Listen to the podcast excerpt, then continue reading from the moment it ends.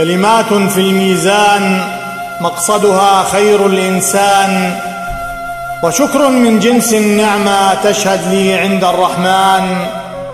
يا أخي أنت بالذات هل تساءلت في نفسك يوما عن معنى الحياة؟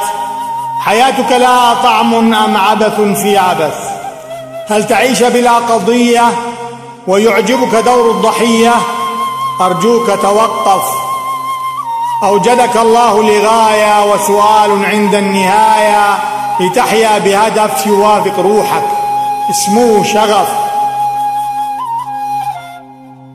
فالتلف أن تعيش مليا بلا قصد وبلا نية بلا درب وبلا اتجاه فإن لم تعرف مكانك بعد أذن في نفسك أولا.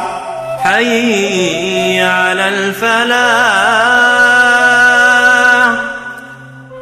اهدنا الصراط المستقيم. ابحث في فيك عن المفتاح. استمع لصوتك فيك كنزك في روحك يغنيك ولا تقنط يا فلاح. ربي لا تجعل بدني مقبرة لقلبي. إلهي ما مغزى وجودي؟ هذا سؤالي وديدني. ليس ترفا كما يعتقد السواد بل ليعرف قدري وغايتي. رحم الله امرئا عرف قدر نفسه. افهمها على الوجه الصحيح ولا تبخس روحك فتهوي. ما رسالتي ما غرابتي فطوبى للغرباء. لا بد أن أكتشف. فكل فرد مختلف ولا بد أن أعترف. وأنت بالله ما غاية وجودك؟ هذا السؤال الكبير. والإجابة منك تحتاج الكثير. فكر تدبر وقدر.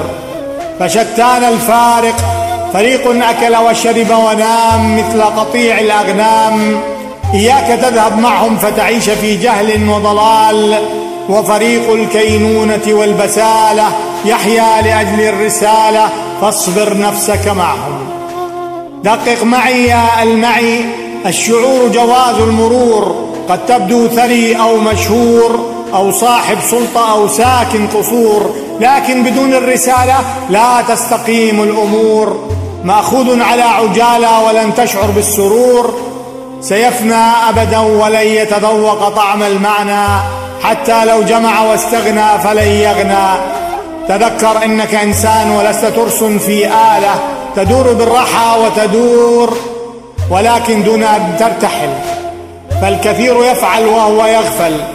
اسمعنا واركب معنا ولتحيا وتحقق ذاتك لا بد أن تعرفها. فمن عرف نفسه عرف ربه. اعرف ملكاتك وإمكاناتك.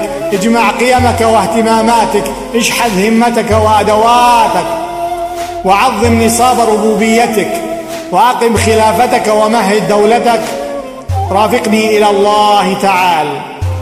وحتى تصل خفف من طين الأحمال واهجر النفوس الثقال اخلع عناك وخالف هواك واجعل حياتك لمولاك. إن صلاتي ونسكي ومحياي ومماتي لله رب العالمين. انطلق بكلك وحلق اترك أثرا يعانق مجدك فأنت الحرف وأنت القلم وأنت البطل فاكتب الآن حكايتك. قال جد الإمام عليه السلام دواؤك فيك وما تبصر وداؤك منك وما تشعر أتزعم أنك جرم صغير وفيك انطوى العالم الأكبر. إهدائي بقلمي عود الله الحديدي